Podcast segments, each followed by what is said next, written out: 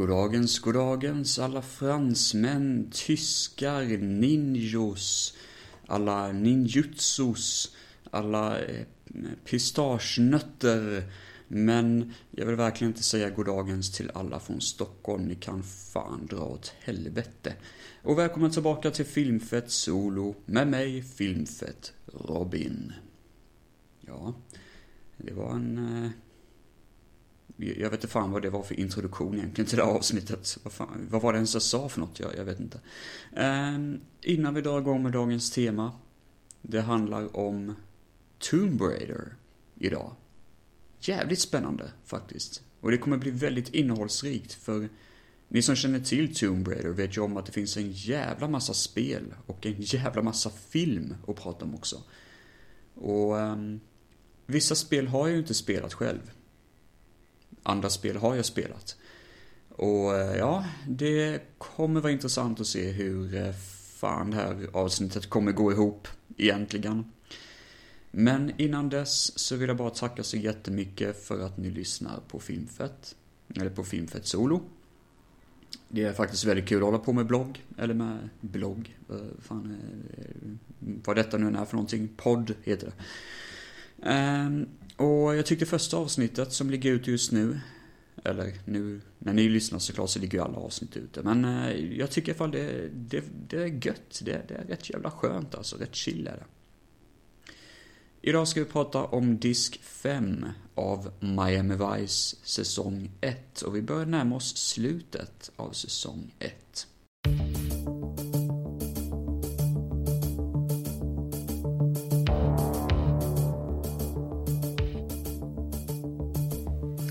Här finns det tre avsnitt, två av dem är delade i del 1 och del 2.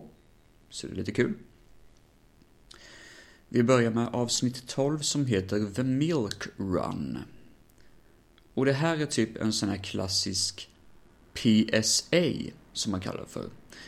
Och detta var då i USA då um, man gjorde reklam mot droger och mot kokain och hash och allt möjligt. Och det här avsnittet är i stort sett bara en stor PSA. För eh, det handlar om två unga killar som ska vara rika snabbt. Så de beslutar sig att eh, då eh, använda sig av droger och sälja droger helt enkelt. On the market. Och det slutar inte så bra för dem. Och Crockett och Tubbs är stort sett ehm, de som försöker då få de här killarna att sluta. Det, det är ett jävla tråkigt avsnitt. Eller det, det, är inte dåligt, men det är bara tråkigt. Det är bara intetsägande. Och det finns faktiskt inte mycket att säga om det. Så vid Milk Run kommer jag faktiskt inte lägga tid på att ens prata om, för det, det, det finns inget kul att prata om det, egentligen. Utan istället så drar vi igång med The Golden Triangle, part 1 och part 2. Part 1, eller del 1, det vill säga, handlar om att Crockett och Tubbs, våra poliser, ska undersöka en ehm, ett hotell. För det är lite shady business som händer där på det här hotellet. Och de är undercover som Securitas-vakter. Helt plötsligt kommer de i kontakt med två personer som tycker att de här Securitas-vakterna verkar ganska shady. Vilket de gillar, de här två mysko-männen. För de vill råna eh, pengar, eller själva valvet, kassavalvet som finns på det här hotellet. Och Crockett och Tubbs vill ju såklart ta fast tjuvarna med eh, eh, alltså på bar gärning, så de går med på det här då för att arrangera det här rånet. Men i slutet av detta avsnittet så beger sig tjuvarna själva till valvet och öppnar upp det på egen hand. Och stjäl en massa pengar och så vidare. Men de hittas ihjälskjutna i sin lägenhet och tydligen så är en av killarna brutalt eh, slaktad under den här massakern. Och då börjar den här chefen, eller han som är eh, Crockett Tubbs eh, lieutenant då. Han börjar ifrågasätta lite grann, hur kommer det sig att den här killen, alltså vad är det som har hänt? Var, var, varför har han blivit slaktad? Vem är den här killen överhuvudtaget? Och Crockett och Tubbs säger bara, nej vi vet faktiskt inte riktigt, för han sa aldrig sitt namn. Alltså vi, vi, vi uppfattade det bara som att han var en medarbetare, inte så mycket mer än det. Och hur kommer det sig att du reagerar så starkt på det här? Vad är det som är så the big deal egentligen? Vad... Det visar sig att den här killen som har blivit brutalt slaktad och torterad, att han troligtvis tillhör någon typ av triadorganisation. Och inte vilken triad som helst, utan det visar sig även det att han som är Crockett och Tubbs chef på något vis har undersökt i tre år denna organisationen innan han började på Miami Vice. Och Golden Triangle Part 2 handlar mestadels om den här eh, polischefen då och hans egna förflutna. Det är ingen flashback eller så, men det, det handlar lite grann om hur han försökte få tag på en ond skurk eh, back in the day. Och att denna skurken då finns i Miami. Och en jätterik och eh, i stort sett orörd bar. Det går inte att röra den här killen för han är för jävla vass och farlig. Men eh, polischefen ville få tag på honom. Problemet är bara det att polischefens fru, eller före detta fru, befinner sig också i Miami. Hon har blivit smugglad dit av en smugglingsorganisation eh, som den här eh, skurken då använder som täckmantel i stort sett. Och han vet ju om polischefen att det, han gjorde ju detta bara för att han skulle ha hållhake på den här eh, eh, polischefen då, på att polischefen inte skulle röra honom eller komma nära honom. Och det är mysigt, det är väldigt bra avsnitt faktiskt. Och jag bryr mig verkligen om karaktärerna. Verkligen det här polischefen gillar jag som fan. Jag tycker han är extremt bra. James Edward Almost tror jag han heter. Han som spelar polischefen.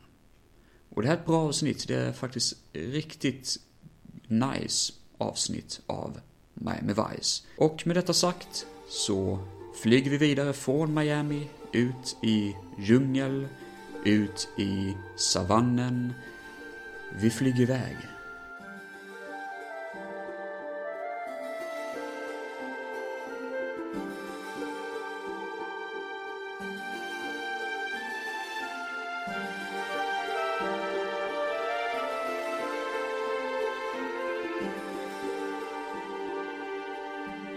Så, Tomb Raider.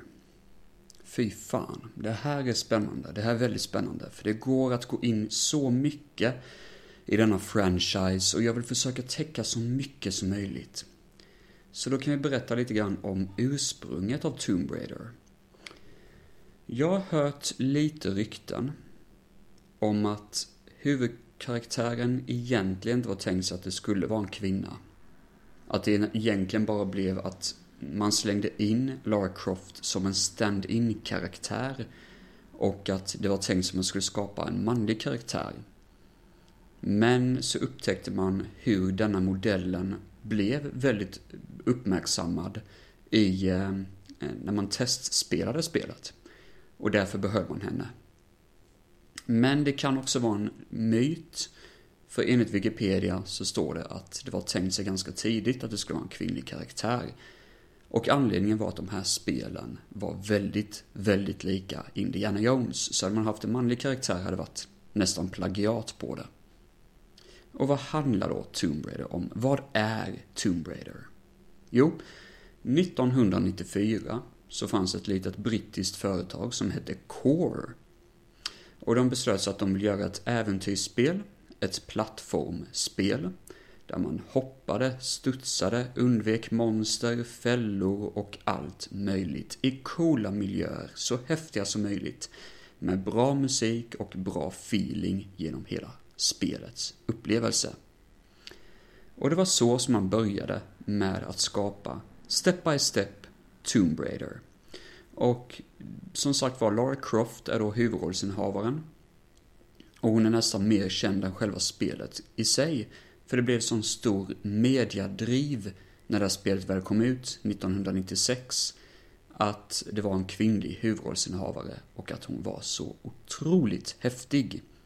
Kom ihåg det att hon har på sig coola vapen, hon kör sin motorcykel och hon är lite James Bond-aktig. Hon vet nästan allt vad hon ger sig in i. Samtidigt som hon bekämpar monster, demoner och eh, upptäcker olika sidor och olika delar av världen som vi bara kan drömma om. Men, men, men. Jag ska försöka att ge mig in i den här spelserien step by step och förklara varför det blev så stort som det blev. Och därför börjar vi med första Tomb Raider.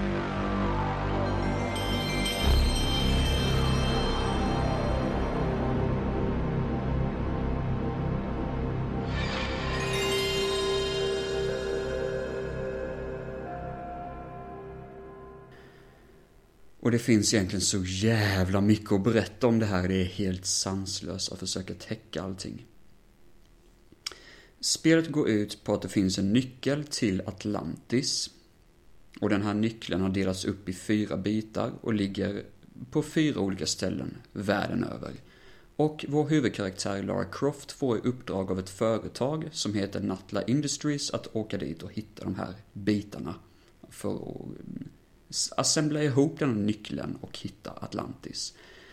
Och jag har inte kommit så långt på första Tomb Raider. Jag har tyvärr inte ens det här spelet. Det är väldigt länge sedan som jag har spelat det här spelet. Jag har bara spelat det en gång och jag minns det än idag. Jag menar, herregud, det är ju så jävla stort det här liksom. För visst, grafiken är inte mycket att hänga i julgranen idag. Men tänk hur stort detta var back in the day. Magnifika, gigantiska miljöer som man befinner sig i. Stora grottsystem som öppnas upp och så kan man helt plötsligt hitta städer och byar som är blivit bortglömda av tidens tand. Som bara ligger där och så finns det massvis med monster och demoner som man slåss mot. T-Rex, en gigantisk jävla T-Rex som är ett jättekänt ögonblick i spelet. En av Playstations största ögonblick. Och skrämmande är det faktiskt. Den hetsiga musiken som bara kommer vid vissa tillfällen när det behövs i spelet. Så man sparar verkligen på musiken och använder sig av tystnad istället för att när musiken dyker upp då betyder något. Antingen har du kommit någon vart som är intressant, spännande eller så är det att du möter något stort, någon stor fiende eller en stor fälla.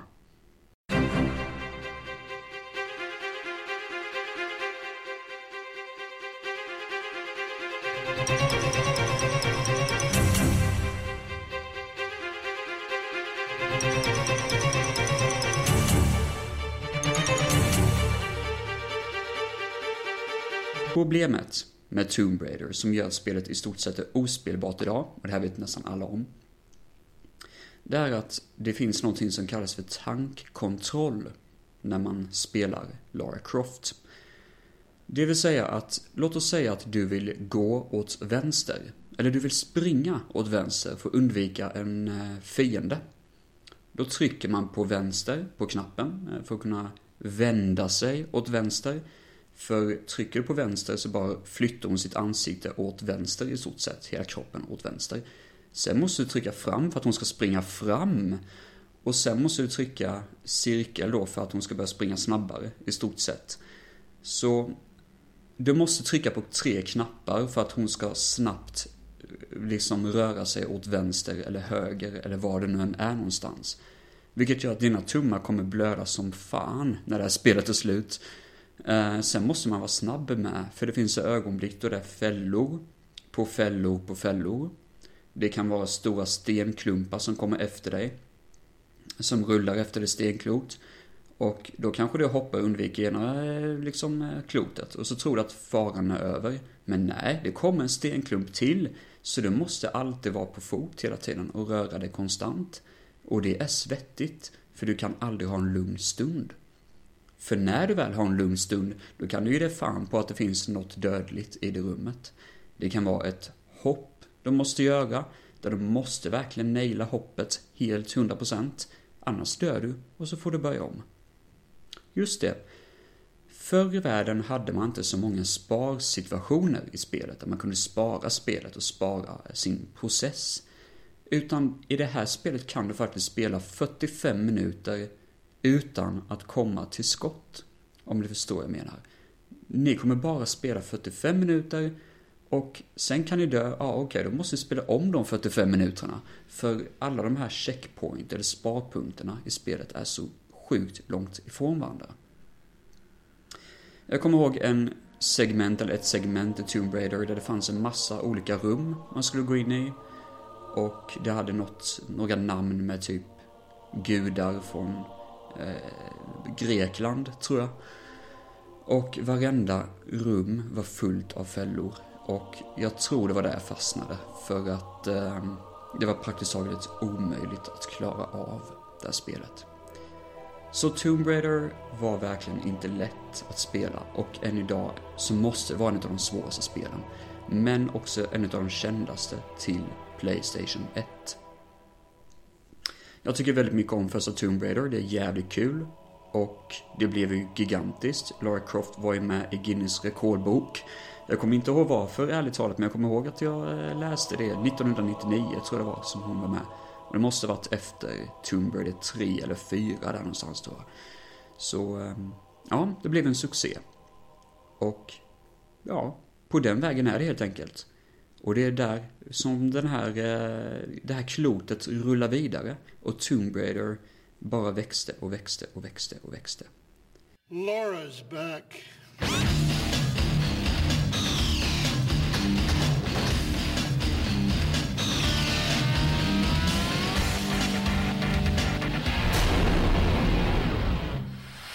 Aj, aj, aj. Gått med lite kaffe här nu. Då drar vi igång med Tomb Raider 2. Och det här spelet har jag faktiskt just nu framför mig på Playstation 2. Det här är lite mer kändare i spelserien. Eller inte kändare nödvändigtvis, men många fans tycker att det här är bäst över hela serien. Svårt att säga.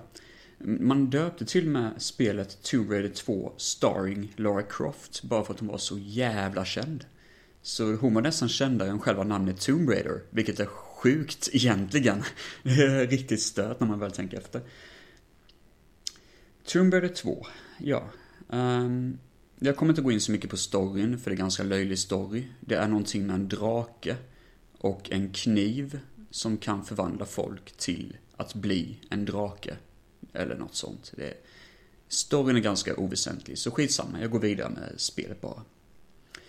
Speldesignen ser ut som följande, att det är mycket mer instängda miljöer. Det är fortfarande snyggt gjort, man fokuserar väldigt mycket på detaljer.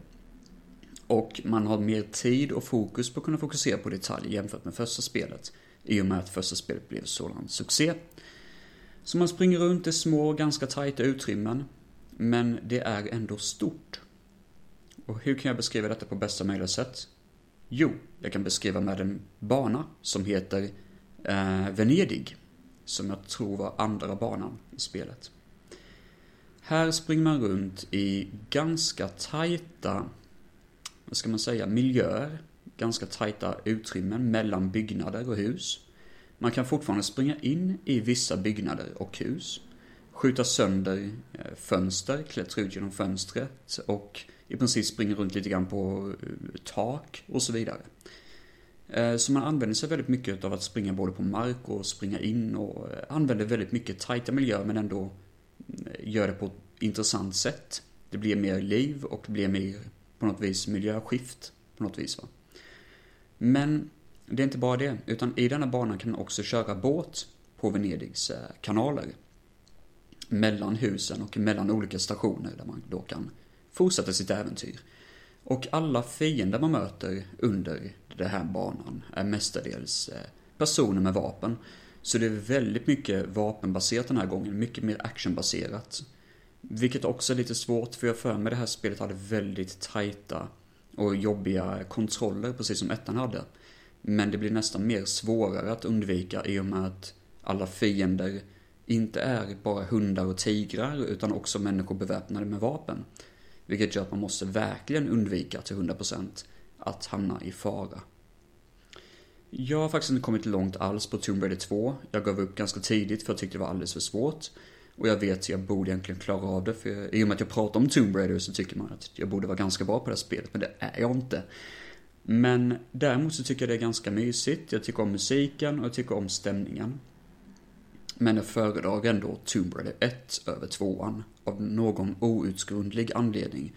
Jag blev bara besviken på 2an, eller besviken ska jag inte säga, men man tycker det borde vara mer spelbart på något vis va. Så, ja, jag har svårt med Tomb Raider 2. Men vi stannar ju inte där. För Core Entertainment hade fortfarande en stor kassako med Lara Croft och båda två spelen blev ju succéer. Så där stannar man ju inte, då fortsätter man ju med Tomb Raider 3. Fortfarande så heter den här Tomb Raider 3 Adventures of Lara Croft. Så, ja, man skulle verkligen smälla in hennes namn så mycket som möjligt på eh, omslaget av spelet. Lara Croft befinner sig denna gången lite överallt. Det är lite mer exotiska miljöer än förra spelet. Och lite mer blandat. Vi befinner oss i Antarktis i slutet av spelet, men faktiskt aldrig kommit så långt. Och det blir lite över vibbar för man slåss mot en gigantisk jättespindel, typ köttaktig jättespindel i slutet av spelet. Inte så skrämmande för mig, även om jag är jävligt rädd för spindlar. Men eh, det, det, det, är typ kanske för att den bara har fyra ben och sånt. Jag, jag vet inte fan. Men ehm, som sagt var, jag kom aldrig så långt, så jag har aldrig kommit så långt. Däremot så befinner man sig också i djungel i början av spelet och det introducerar verkligen hur svårt det här kommer vara. För ni kommer dö många gånger. Detta är inte så lång bana, tack gode gud, men det finns sumpmark. Eh, kliver man på fel ställe i sumpmarken så kommer man sjunka ner och dö direkt liksom. Så det är typ, eh, vad heter det? Um, ja, vad fan heter det igen? Ja, men det, det, är typ sump, alltså, vad fan heter det? Ja, Åh, oh, nu glömmer jag bort det. Ja, ja, skitsamma. Ni, ni förstår vad jag menar. Man sjunker ner under marken typ. Ehm, uh, sådana slukhål i stort sett va. Och eh, även det att det finns spikfällor, det finns fallande block, det finns fiender som dyker upp från ingenstans och det finns de här jävla stenklumparna som rullar efter dig. Alltså det, det händer så jävla mycket de första tio minuterna på det här spelet så ni kommer dö typ tio gånger. Och tanken är väl det att man måste dö för att veta att okej, okay, nu vet jag att det hindret finns där borta. Nu får jag spela om hela banan, komma över det hindret, men då kommer nästa grej som man dör utav. Så det är hela tiden så. Helt sjukt svårt är det. Sen fanns det en bana man kom till Area 51 och det minns jag som jävligt intensivt. För här blir man tillfångatagen och alla dina vapen försvinner. Vilket gör att du måste i princip överleva utan vapen väldigt länge. Tills du får tag på dina vapen och kan försvara dig själv. Men det är mycket instant death i och med att det är mycket hoppande och studsande och man kommer ta mycket stryk och man har ingen hälsopack med sig. Så man kan inte läka sina skador och så. Ja, London har vi med. Just det, London. Det hade jag nästan glömt bort. Um, London är en jävligt mysig uh, bana faktiskt. Väldigt mörk däremot och det regnar vilket gör att det är ganska svårt att se. Men det är väldigt atmosfäriskt och välgjort. Och sen så kommer man ner typ i något sån här tunnelbanesystem. Och jag tror till och med det fanns en hemlig tunnelbana som man kommer ner i sån här underground secret area typ. Och ja men det är ett mysigt ställe faktiskt. Det är en jävla mysig bana där. Ja, Tomb Raider 3 är faktiskt det spelet som jag har mest minnen utav. Inte bara för att jag spelat det själv, utan även för att jag kommer ihåg väldigt starkt att mina bröder hade det här spelet på PC. För väldigt länge sedan. Och jag kommer ihåg skarpt att man var i Antarktis och jag tror det var någon sån här ubåt typ som man skulle dyka ner i. Och man skulle försöka hissa upp den här ubåten, tror jag det var. Um, och sen minns jag inte så mycket mer av det, för jag kommer ihåg hur jävla frustrerade mina bröder var att de inte fattade vad fan de skulle göra. Och det känner man ju verkligen igen, att Tomb Raider är ju frustration deluxe. Um, men väldigt charmigt är det. Jag, jag gillar trean, jag tycker trean är jävligt bra. Det är skitsvårt, tro mig. Jävligt svårt är det. Men uh, det är kul. Och likadant är att här gjorde man ju specialen, att man fick välja själv vilken bana man ville åka till. Ehm, det fanns också en djungelbana där man slåss mot dinosaurier, vilket var rätt coolt. Med typ kulspruta eller någonting. Det var väldigt episkt faktiskt. Och jag för mig klarade av den banan till och med. Men eh, i alla fall, man kunde välja mellan vilka tre olika banor man ville ha innan och vilken ordning man ville ta innan man körde slutbanan. Det här spelet har fått ganska mycket kritik för att det är väldigt svårt och jag håller med om att det är ganska svårt. Men jag tycker ändå det är mer spelbart än Tomb Raider 2, där jag faktiskt tappade intresset väldigt snabbt. Hands on your head!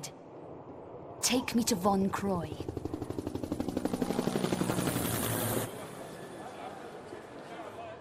Where's he headed? You waste your time. This attitude problem. You people need to learn some manners. Tell me now, or you've just run out of time. Alexandria. Men nu dyker vi ner i nästa spel, Tomb Raider 4, The Last Revelation. Eh, och eh, nu har jag en, jag tror det är spansk version av det här spelet, vilket är jättejobbigt. För att eh, jag kan inte läsa det här ett skit. Vilket gjorde också att ibland när jag skulle spara spelet så tryckte jag fel och då tryckte jag på ladda spelet istället. Vilket gjorde att jag laddade om en bana. Eh, det var jag inte sådär jätteglad över. Jag var fan fly förbannad över det här. Minns jag väldigt skarpt. Tomb Raider 4, The Last Revelation, handlar om att Lara Croft beger sig till Egypten. Hennes före detta mentor, som hon trodde var död, har kommit tillbaka. Och han letar efter någon mystisk artefakt eller någon mystisk makt i eh, Egypten. Och det är det här verkligen blir intressant, för hela spelet utspelar sig bara på egyptisk mark. Det vill säga i gamla ruiner, gamla städer och eh, ja, allt möjligt. Grottor och jag tror det var någon sån här eh, gravtunnelsystem som var faktiskt jävligt obehagligt. Och där finns det typ skelett och skit man skulle slåss mot. En massa fällor, väldigt inspirerat av Indiana Jones. Det är till och med en, ett pussel där man måste använda en diamant mot en ljusstrimma, precis som i första Indiana Jones. För att hitta var man ska ta sig någonstans eh, senare i spelet då. Eh, och det, det, var ju verkligen sådana saker. Och så är det ett gigantiskt jätteklot som jagar efter en, precis som Indiana Jones. Så det är väldigt mycket, många idioter skulle säga Indiana Jones rip-off, men fan dra åt helvete säger jag då, jag pallar inte med sådana människor. Um, utan det här är ju inspirerat på ett väldigt bra sätt tycker jag.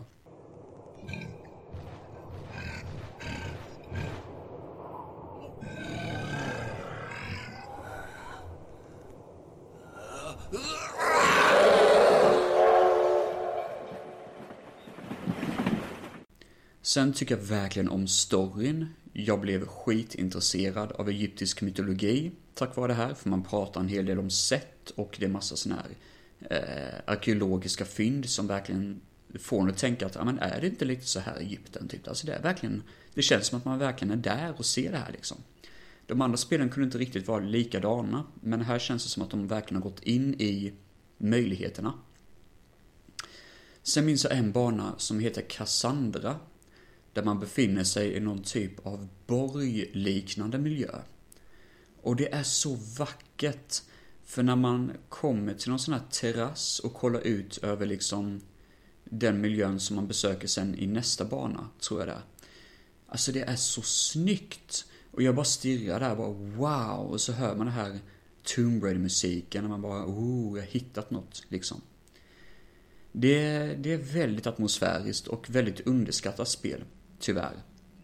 Och förutom trean så tror jag kommit längst på Last Revelation.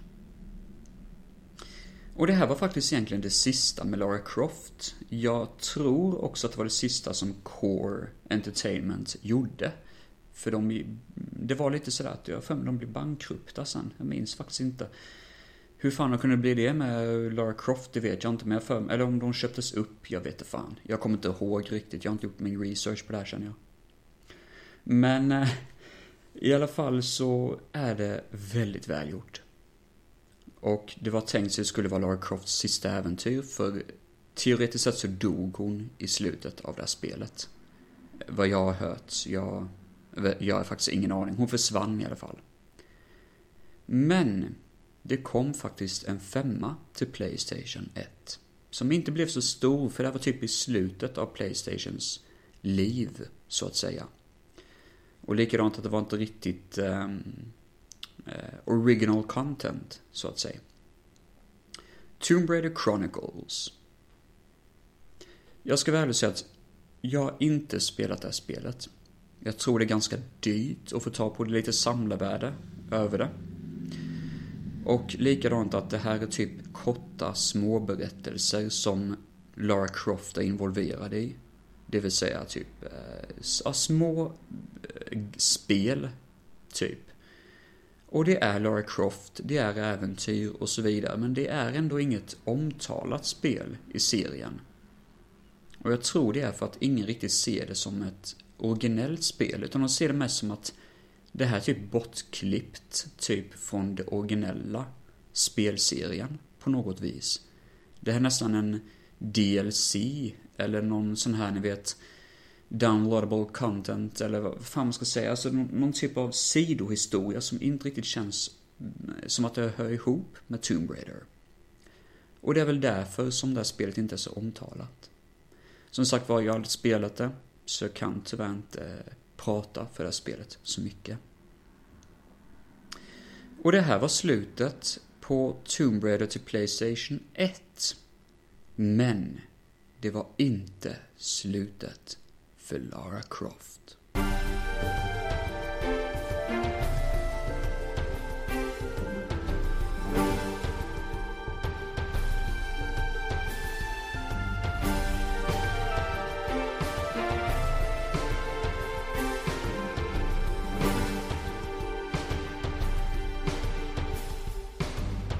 Playstation 1 hade nått sitt slut och det var dags för en ny konsol på Playstation-marknaden och detta var Playstation 2. Det är den bästa konsolen i världshistorien, än idag. Jag älskar Playstation 1, men let's face it, Playstation 2 was the shit. Alla hade den här konsolen hemma. Eller kände någon, eller ville ha konsolen hemma.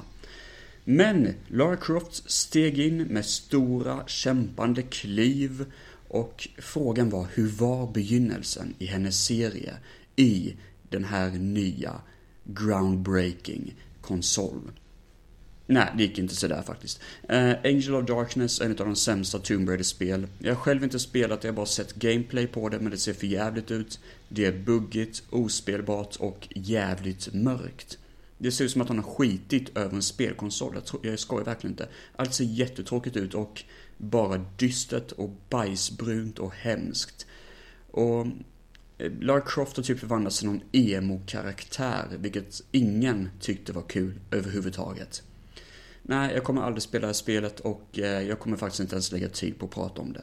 Det enda som är intressant är det att det var tänkt så att det skulle bli en trilogi och att Angel of Darkness skulle vara den första i trilogin.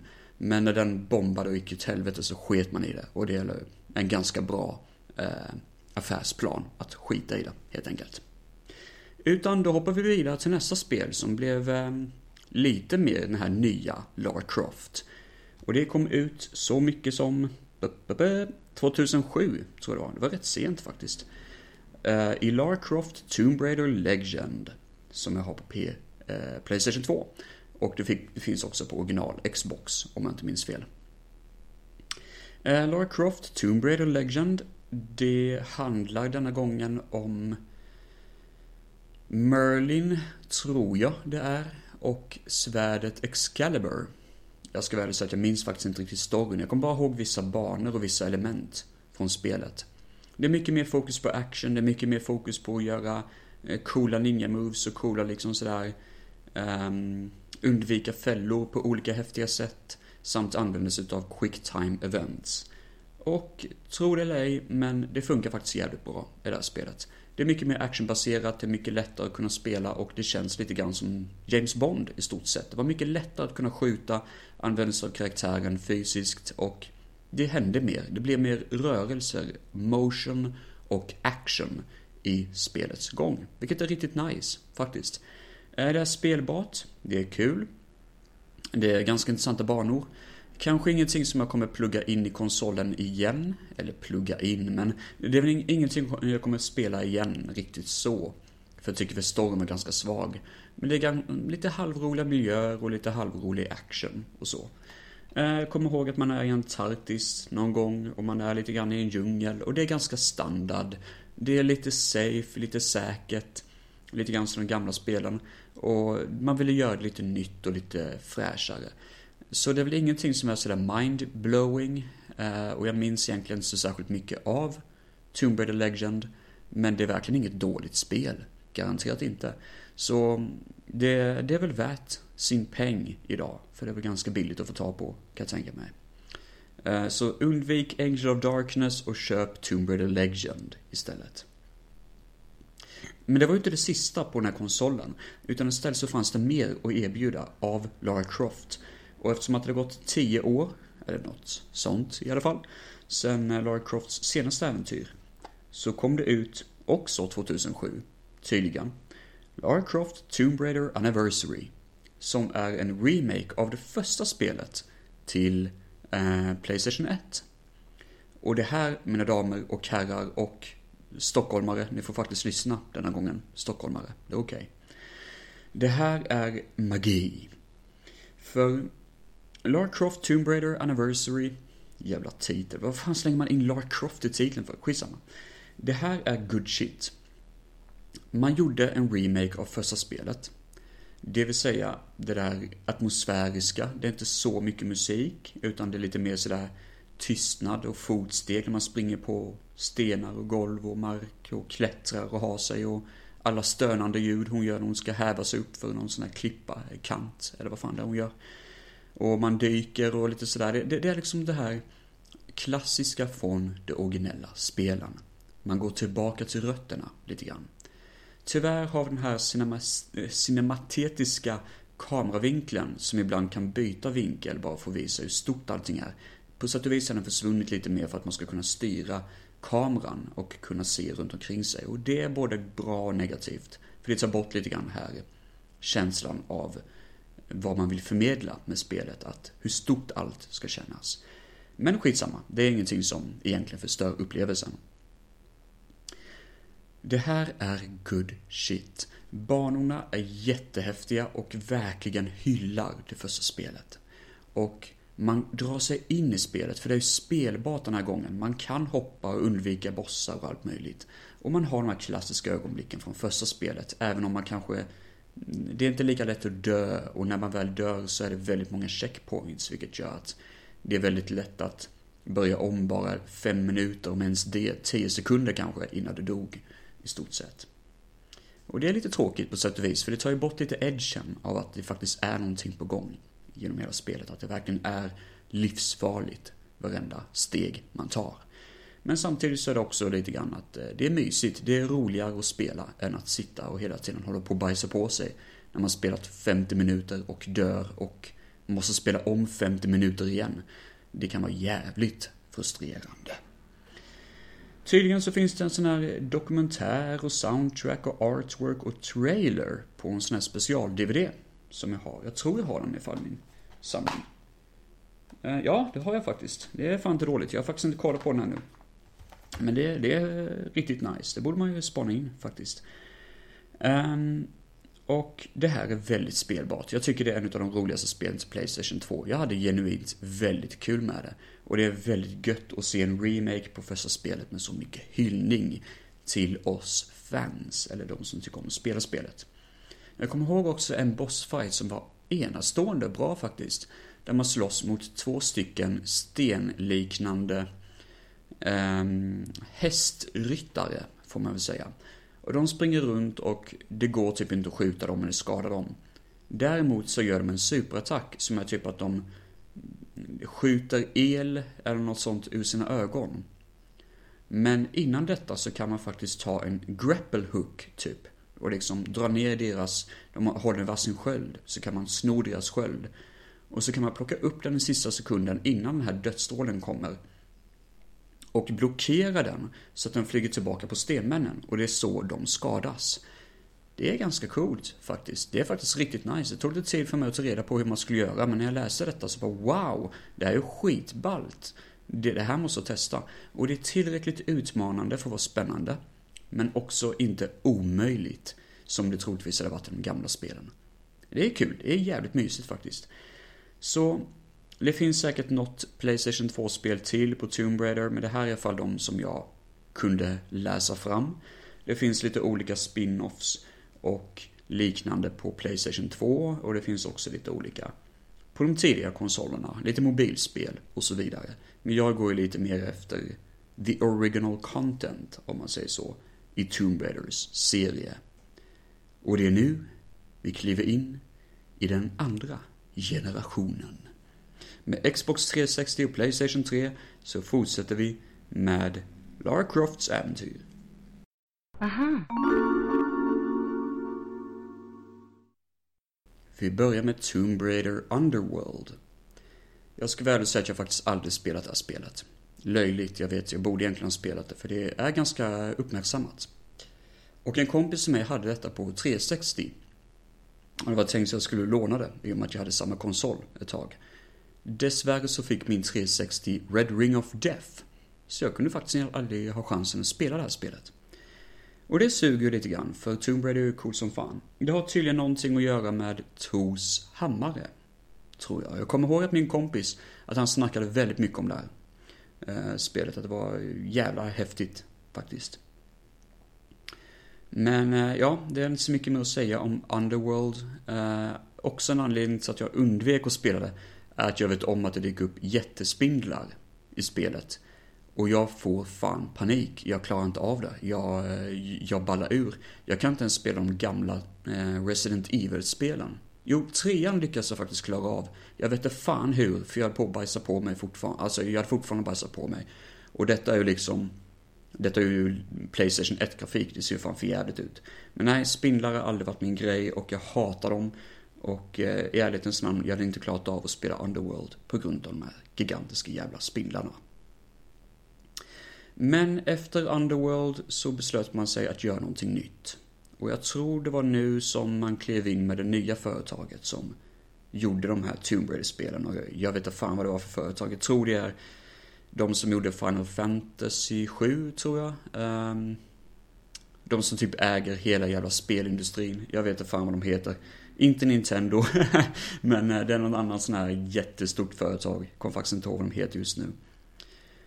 Utan nu är det de som äger Lara Croft och Tomb Raider och de ville göra något nytt, så de gjorde en reboot. Detta heter bara Tomb Raider. Och, ja, man är ju lite skeptisk när man får höra att de ska göra en reboot av allting. Men eh, det här var faktiskt good shit. Lara Croft befinner sig på en båt. Hon är ganska ung, oerfaren, och ganska, hon har ganska dåligt självförtroende sådär, så det är väldigt mycket karaktär bakom henne. Men under ett skeppsvrak så vaknar hon, eller efter ett skeppsvrak vaknar hon upp på en ö. Och det är den ön hon ska undersöka, för hennes pappa var tydligen besatt av en legend om att den här ön var hemsökt, i stort sett. När hon kommer dit så kidnappas hennes vänner av några skumma typer som bor på ön hon inser att det är skeppsvrak, att det är gamla andra världskrigsplan som har stöttat där. Det är i stort sett Lost ön. Att eh, alla som kommer dit kommer aldrig därifrån. Och det låter ju inte så jävla lovande direkt. Och hon måste överleva, slåss och kräla runt bland lik och allt möjligt. Och det, det, är riktigt äckligt faktiskt. Och hon är en väldigt bra karaktär. Det är mycket mer karaktär bakom Lara Croft den här gången. Så hon tvingas ju vara med om hemska saker, skada sig utav bara helvete. Och eh, det, det är väldigt välgjort. Det är ju inte samma Lara Croft som det var innan som var lite superhjälte, lite James Bond-aktig. Och jag saknar ju henne jävligt mycket också. Men samtidigt, den nya Lara Croft är häftig och jag bryr mig genuint om henne. Så Tomb Raider-rebooten lyckades väldigt bra med att skapa en karaktär som jag faktiskt tycker väldigt mycket om, även om det inte är samma gamla Lara Croft. Och det är ett jävligt bra spel faktiskt. En väldigt bra början på en lovande trilogi. För efter Tomb Raider-rebooten så kom Rise of Tomb Raider. Och den här gången undersöker Lara Croft hennes faders död. För hennes fader dog under mystiska omständigheter och organisationen Trinity ligger troligtvis bakom det. Som i stort sett är Illuminati kan man säga. Hon beger sig till Serbien, har jag för mig. Och eh, här finns det riktigt coola miljöer. För bland snöstorm och iskalla områden så finns det även fängelseliknande institutioner från typ ryska tiden i stort sett. Typ 50-talet, tidigt 50 ja, ryska revolutionen tror jag till och med, så det är nog ännu längre tillbaka faktiskt. Och det här är snyggt. Det är riktigt snyggt miljömässigt. Och det är mycket action. Och det är mycket drama. Och man kan levla upp sin karaktär och bygga egna vapen och sånt. Det är väldigt mycket sånt. Och jag blir så indragen i det här spelet. Och det här är intensivt. Det är jättebra actionscener, jättebra miljöer och man har verkligen gått all in i Eh, Rise of Tomb Raider. Och precis som Last Revelation och Tomb Raider-rebooten så är detta bara en miljö man befinner sig i, vilket faktiskt är välkommande, för man använder den så suveränt. Och jag tycker faktiskt detta är bättre än förra spelet. För man har bara utforskat saker mer och gjort det lite mer utmanande för dig som spelar. På ett gött sätt, på ett riktigt gött sätt. Jag kommer ihåg fortfarande att man var i någon typ av isberg. Och jag tror det var någon som, ett gammalt tempel eller någonting i isberget. Och allting bara faller åt helvete typ. Alltså det faller isblock överallt och Ja, det var kaos och det var så häftigt. Jag bara minns att alla sköt på mig, det var bara sockaskott överallt och det, ja, det var intensivt. Um, och där satt man och verkligen, wow, det här är coolt. Efter Rise of Tomb Raider så kom det ett spel som hette Shadow of Tomb Raider. Och då kan man ställa sig frågan, vad tycker jag om detta? Jo, när jag såg trailern på det här spelet så var jag lite besviken. För det här är en djungelmiljö, typ i Amazonas eller någonting, som man springer runt i och man använder sig mycket av stealth, det vill säga att man gömmer sig väldigt mycket för att attackera sina skurkar. Och det är lite småkul. Det är lite Rambo över det. Men sen tyckte jag inte det var, det saknades någonting mer. Det bara saknas något. Jag menar förra spelet hade up the game lite grann efter, för, eh, efter föregångaren då, eh, Tomb Raider-rebooten. Och den här gången så känns det inte som att man verkligen har gått längre. Det bara känns som samma sak, typ. Och visst, Playstation 1-spelen var ju lite grann samma sak. Men de gjorde ändå vissa ändringar som gjorde att man faktiskt brydde sig om spelet. Men här kändes det som att man inte riktigt vågade ta ut i svängarna.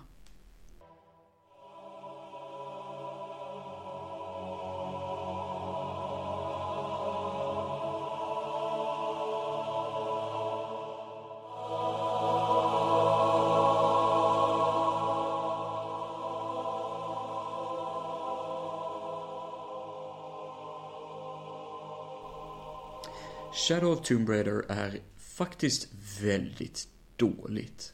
Och jag pratar om riktigt dåligt. Från att ha varit en karaktär som man faktiskt gillar så tycker jag Lara Croft blir jävligt tråkig att lyssna på. Hon anklagar sig själv hela tiden, alltså nästan som ett emo. Allt är mitt fel, jag litar inte på dig. Dur, dur, dur, Så låter hon genom hela spelet.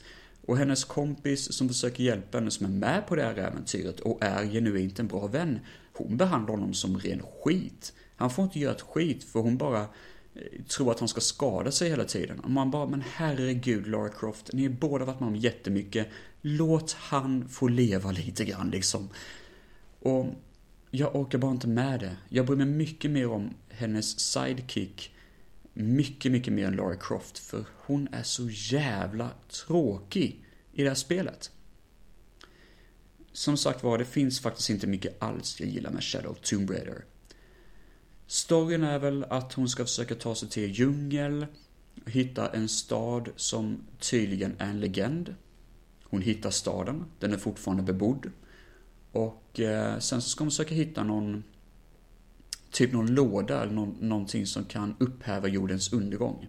Det är det enda som är bra med spelet. Att Lara Croft börjar spelet med att råka sätta igång någonting som kan vara jordens undergång. Det är coolt. Där kände jag att okej, okay, det här kan bli någonting. Och det är kanske därför som hon börjar anklaga sig själv väldigt mycket. Vilket är förståeligt. Jo, lite så är det. Men när karaktären bara anklagar sig själv hela tiden och inte litar på någon annan det blir bara tjatigt. Väldigt, väldigt tjatigt. Shadow of Tomb Raider är fan inte mycket att hänga i julgranen. Jag tycker det är ganska katastrofalt att det här spelet ens kunde gå igenom. Och eh, det enda som är kul är att det är väldigt bra side missions. Väldigt bra pussel är det. Men när jag inte bryr mig om själva storyn så vill jag bara spela klart storyn och slänga själva spelet åt helvete. För jag tycker bara det var dåligt, helt enkelt. Väldigt dåligt skrivet och inte mycket action som håller med underhållen heller. Nej, det här var ta mig fan tråk deluxe. Det finns ju några filmer på Lara Croft också. Och det tänkte jag avsluta med att snacka med mig. För de måste man ju ta upp. Vi har Angelina Jolie i rollen som Lara Croft i Lara Croft Tomb Raider. Fattar fortfarande inte varför man trycker in Lara Croft Tomb Raider i titeln. Det låter jättekonstigt. Men men, det var väl för att ha en dubbel chans att kunna sälja spelet antagligen. Angelina Jolie gör ett ganska coolt jobb. Hon spelar en cool hjältinna och hon är genuint badass. Jag tror filmen kom ut tidigt under 2000-talet, typ 2001 eller något sånt. Det märks i alla fall, för det är verkligen 2001-stil på det. Story minns jag inte, det var någonting om en hemlighet som hennes pappa har gömt för henne. Hon har en sidekick, eller hon har två sidekicks. En datahacker och hennes butler. Eh, det här är en liten side-note också. För i de tidiga Tomb Raider-spelen så kunde man ha en sån här eh, genomgång. Då man kunde gå runt i hennes hus för att lära sig hur hon simmar, hur man kontrollerar henne helt enkelt under olika omständigheter. Och i de här spelen, eller i de här eh, sektionerna så går det runt en liten butler. Man kan lura in han i köket och in honom i en kyl, ett jättestort kylrum. Och sen kan man låsa dörren efter honom. Det tycker alla är skitkul. Dessutom så går han runt och fiser också och låter jättegammal. Han bara Mm. Typ, det är det enda han låter. Och man bara herregud, jag håller på att få en stroke eller? Och likadant att man kan skjuta på honom med sin pistol, men då bara så blockar han skotten med hjälp av sin, för han går alltid runt med en sån här liten eh, metallbricka typ som man brukar servera saker på, ni vet. Han brukar blocka med det. Så man kan vara riktigt jävla asshole mot den här eh, butlern. Eh, I alla fall, back to the movie om man säger så. Både butlern och den här datahacken dyker upp i Tomb Raider Legend. Så jag vet faktiskt inte om de om filmen kom samtidigt som det spelet. Men det låter jäkligt konstigt om det är så, för det spelet kommer 2007. Och jag kan ge mig fan på att filmen inte kom 2007, den måste ha kommit tidigare. I alla fall, Lara Croft Tomb Raider är en ganska bortglömd film.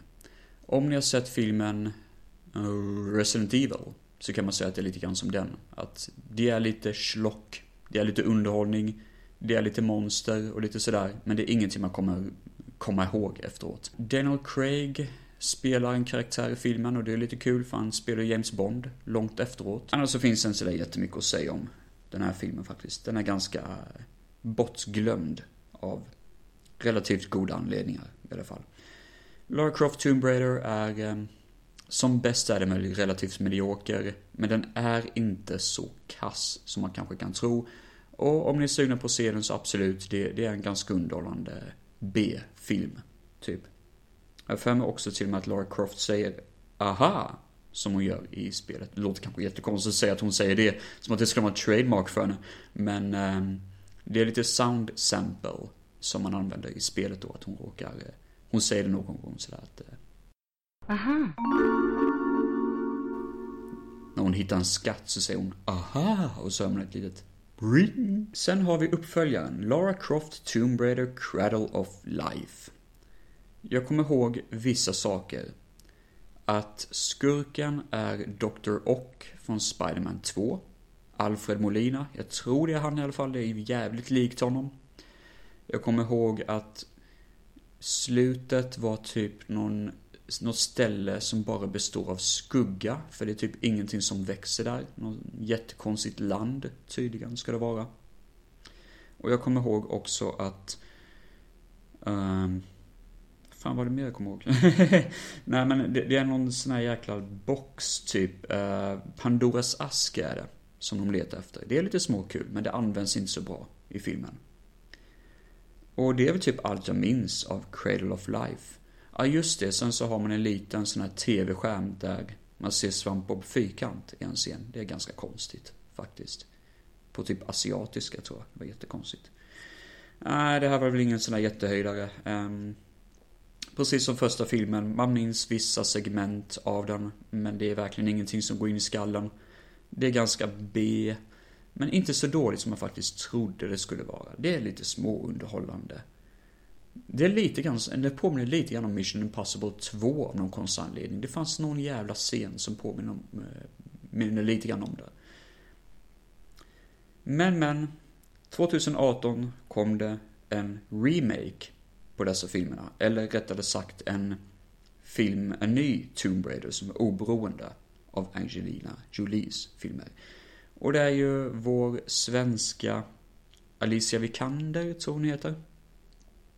Som medverkar som Lara Croft. Den heter Tomb Raider bara och den är faktiskt nice. Det är en filmvariant av rebooten som kom på 360, det vill säga den här ön som var hemsökt.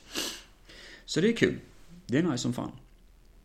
Ehm, ganska bra film, ganska underhållande, tillför kanske inte så mycket nytt, men man sitter där och man har en good time. Um, jag tycker det var lite småkul att de hade lite fällor och sånt i slutet, och det hade ju inte de första filmerna i serien. Och likadant att det, det är en ganska mysig eh, actionfilm. Det är inte så mycket mer att säga om det. Lite sån här schlock actionfilm. Det gick ju inte så bra på biografen och jag trodde faktiskt inte att den här filmen skulle få en uppföljare. Men döm min förvåning. För i sommar så skulle de spela in scener av Tomb Raider 2. Däremot vad som händer nu under coronakrisen, det vet man inte. Men det är i alla fall någonting som är eh, på G. De har spelat in vissa segment redan, vissa scener. Och uppföljaren är On the Road. Och det är fortfarande Alicia Vikander som har rollen som Laura Croft. Det är ju rätt jävla nice, det ser jag fram emot. Problemet är bara att den här filmen ska tydligen kombinera Rise of a Tomb Raider och Shadow of a Tomb Raider. Och det låter ju lite negativt faktiskt, för jag vet inte fan hur de ska få det att gå ihop. På sätt och vis är jag nästan hellre att se en film på gamla goda Tomb Raider, helt enkelt. Att det är larger than life och underhållande som fan. Det var allt om filmerna av Tomb Raider. Som sagt var, det finns säkert en massa såna här eh, mobilspel och olika konsoler som jag inte ens har nämnt. Men det är i alla fall the gist of it. Och det, det, det, det är stort, det är jävligt mycket här. Det är väldigt mycket att täcka på Tomb Raider faktiskt. Det har varit kul att gå igenom de här filmerna, de här spelen. Och som sagt var, jag har säkert missat lite grann. Men eh, det är jag som gör den här, den här podden. Och det är jag som täcker det jag vill täcka. Följ Filmfett på Instagram, Facebook och på filmfett.se. Eh, och följ även Solitude Films där jag gör lite kortfilmer och så vidare på Facebook och på YouTube. Så vore jag väldigt tacksam. Ni kan även lyssna såklart på det mästerlika 8595 Podcast som är skitsköna. De är jävligt bra faktiskt. Och såklart på Creative Meltdown Podcast. De är fan bäst. Alltså. Ha det bäst mina vänner, ta hand om er och... Eh... Laura's back.